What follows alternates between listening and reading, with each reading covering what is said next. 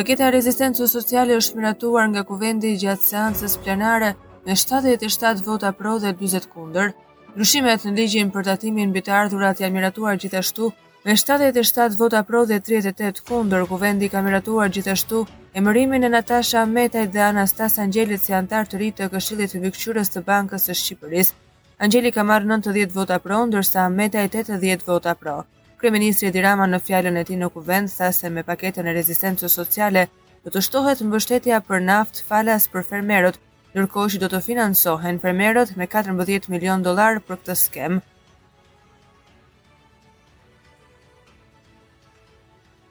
Në lidhje me krizën energjetike, kryeministri Edi Rama ka njoftuar se Ministria e Ekonomisë po zhvillon një studim për familjet e pasura, Nga foltorja e Kuvendit, Rama sqaroi se ky studim po bëhet për të parë mundësinë që të bëhet një ndarje e përkohshme e familjeve që mund të paguajnë më shumë për faturën e energjisë elektrike. Më dy prill fillon muaji i Ramazanit për të gjithë botën myslimane. Gjatë këtij muaji të bekuar, besimtarët myslimanë mbajnë agjërim një nga pesë kushtet e Islamit. Kreu i Komitetit Mysliman Shqiptar, Bujar Spahiu, ka uruar besimtarët me rastin e fillimit të këtij muaji të bekuar.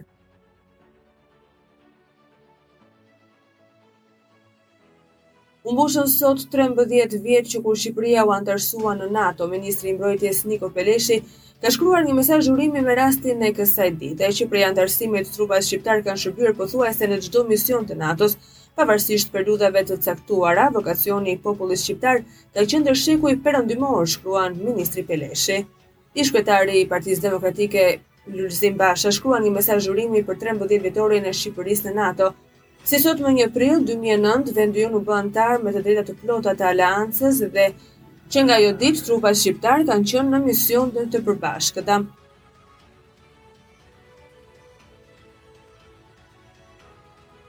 Nga sot të gjitha vizat turistike dhe të biznesit për Shtetet e Bashkuara do të lëshohen me një afat dhjetë vjeçar. Ambasadorja e SHBA-së në Tiranë Yuri Kim është përshëndetur me një aplikante shqiptare e cila është edhe vajza e parë që merr një vizë amerikane të vlefshme për dhjetë vjet.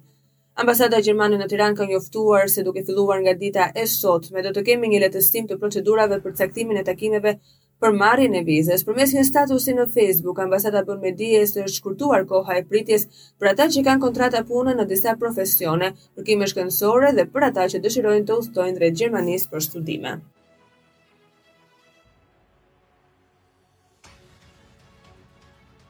Gjykata e posaçme kundër korrupsionit dhe krimit të organizuar ka vendosur sot masën arrest me burg për ish-deputetin socialist Alqi Bllako, i arrestuar për korrupsion dhe shpërdorim detyre për çështjen e inceneratorit të Fierit. Seanca nisi në orën njëmbëdhjetë dhe u zhvillua pa praninë e mediave. Gjyqtarja Irena Gjoka vendosi ta lërë në qeli ish-deputetin e Partisë Socialiste, ndërkohë që vetë Bllako ka zgjedhur të mos flasë por të përfaqësohet nga avokati i tij. Sokol Hazizaj, avokati mbrojtës i ish-deputetit Bllako ka thënë se klienti i tij nuk ka lidhje me akuzat. Tre faktet penale të cilat i ka identifikuar organi i hetimit mendoj se janë akte jo të prodhuara nga Alqi Bllako. Ai në cilësinë e sekretarit ka përcjellë vetëm aktet që kanë dalë nga Këshilli i Ministrave, tha avokati. Presidenti i Republikës Ilir Meta ka uruar të gjithë besimtarët myslimanë që nisën sot muajin e Ramazanit. Përmes një postimi në rrjetet sociale, presidenti shprehet se ky muaj i madhërishëm që lartëson shpirtin dhe kthjellon mendjen, uroj të sjellë më shumë dashuri për njëri-tjetrin, paqe sociale dhe besim. Ndër të tjera, kreu i shtetit uroi për agjërim të lehtë dhe të shëndetshëm. Bordi i Transparencës ka vendosur sot çmime të reja për tregtimin e karburanteve me shumicë dhe pakicë në vendin tonë. Duke ndjekur trendin e bursës, ku nafta ka pësuar rënie gjatë ditëve të fundit, në vendin tonë nafta tregtohet sot me 226 lekë për litër. Çmimi i benzinës është ulur dhe shitet me 208 lekë nga 212 lekë për litër, ndërsa gazi është ulur me një lekë, një litër gaz do të jetë 114 nga 115 që u tregtua këto dy ditët e fundit. Bardh Spahia ka marrë zyrtarisht detyrën e kryetarit të bashkisë së Shkodrës. Ai bëri betimin në mbledhjen e këshillit bashkiak. Spahia zëvendësoi në këtë detyrë Voltana Ademin. Spahia theksoi se në këto muaj të mandatit të shkurtër do të dalim faqebardhë të gjithë bashkë duke lënë gjurmë në Shkodër. Qeveria ka marrë vendimin që e diela e parë e çdo muaji do të jetë dita pa makina. Bashkia e Tiranës në bashkëpunim me Policinë e Shtetit dhe Policinë Bashkiake ka marrë të gjitha masat për kufizimin e qarkullimit të automjeteve më datë 3 prill në disa rrugë të qytetit.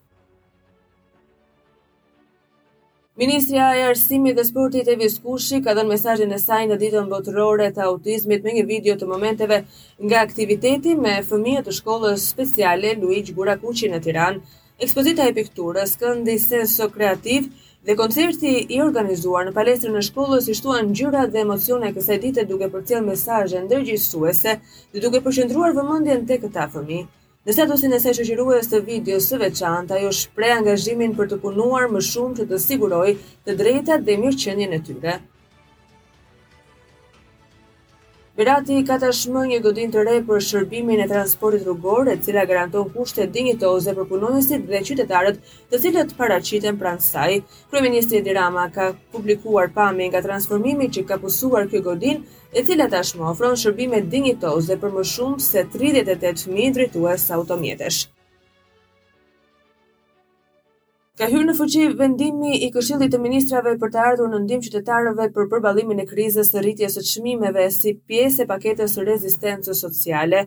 Nga sot paga minimale do të jetë tridhjetë e dy mijë lekë, janë rreth shtatëdhjetë e një mijë e pesëqind të punësuar në këtë nivel pagash, ndërsa ndryshimet do të ketë edhe në kategori të cilat do të përfitojnë njëzet mijë lekë më shumë. Ndërkohë qeveria ka vendosur që të punësuarve me paga nga dyzet deri në pesëdhjetë mijë lekë t'u përgjysmohet norma tatimore. Në këtë kategori përfitojnë të paktën tridhjetë e tetë mijë individë. Moti i keq dhe me reshje të dendura ka përfshirë vendin tonë që prej ditës së djeshme. Reshjet dhe era e fortë kanë shkaktuar probleme në disa qytete. Raportohet se në aksin rrugor Elbasan-Librazhd ka rrëshqitje të gurëve dhe dheut, çka rrezikon automjetet që lëvizin në këtë aks. Policia u bën apel drejtuesve të automjeteve që të tregojnë kujdes dhe të ulin shpejtësinë për të shmangur rreziqet. Dy persona kanë rënë në prangat e policisë së Lezhës pasi akuzohen për trafikimin e lëndëve narkotike. Bëhet me dije se në pranga ka rënë shtetasi Ardit Marku, 26 vjeç, banues në Kurbin dhe Emilian Gega, 22 vjeç, banues në Kurbin për veprat penale, prodhim dhe shitje të lëndëve narkotike kryer në bashkëpunim. Ish-deputeti Alqi Bllako u vetëdorëzua në polici mes orës dy dhe tre të mëngjesit të datës një prill. Policia tha se Bllako u vetëdorëzua konform detyrimit ligjor për zbatimin e masës arrest me burg. Një ditë më parë u shpërndanë informacione kontradiktore për vendndodhjen e Alqi Bllakos, i cili akuzohet për korrupsion dhe shpërdorim detyre nga SPAK.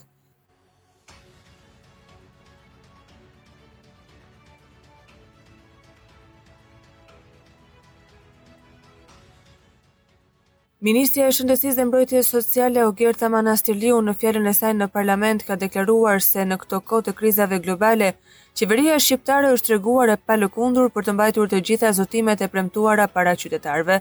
Manastirliu nënvizoi se pavarësisht pandemisë COVID-19, me të cilën sistemi shëndetësor u përball, profesionistët e shëndetit u mbështetën me rritje pagash rreth dyzet për qind, ndërsa rritja do të vijojë Edhe me gjashtë për qind nga muaji korrik i këtij viti. Si sot tridhjetë e një vite më parë, më dy prill të vitit një mijë e nëntëqind e nëntëdhjetë e një ndodhi një ngjarje që tronditi Shkodrën. Sot përkujtohet ajo që njihet ndryshe masakra e fundit e komunizmit në Shqipëri.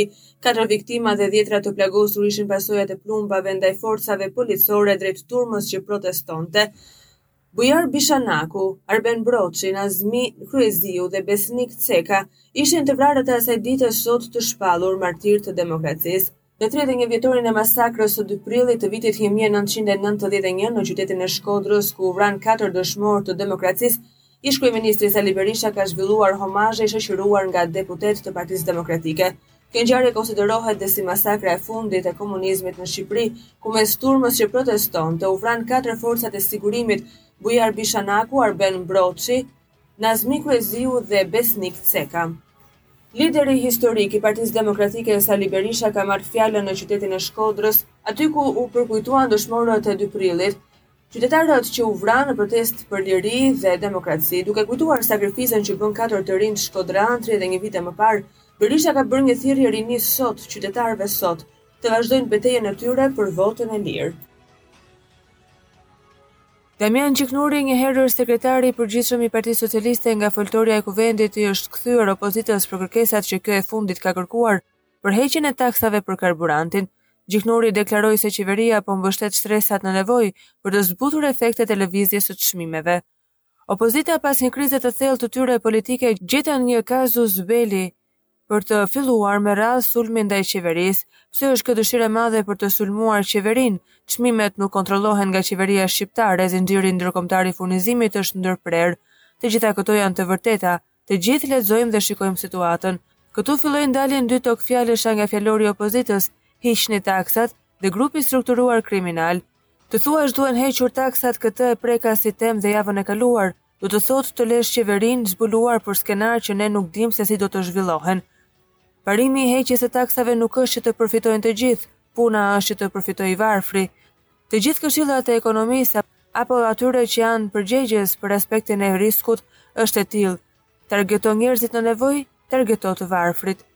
Qeveria këtë po bën me politikën sociale, po mbron shtresat më në nevojë, tha Gjiknuri. Ambasadorja e SHBA-së Yuri Kim ka reaguar në lidhje me raportin se 15% e dosjeve të kadastrës së Durrësit janë të sakta. Ajo thekson se Amerika pret hapa konkretë për përgjegjësit e shkeljeve, rritjen e transparencës dhe mbylljen e mundësive për korrupsion.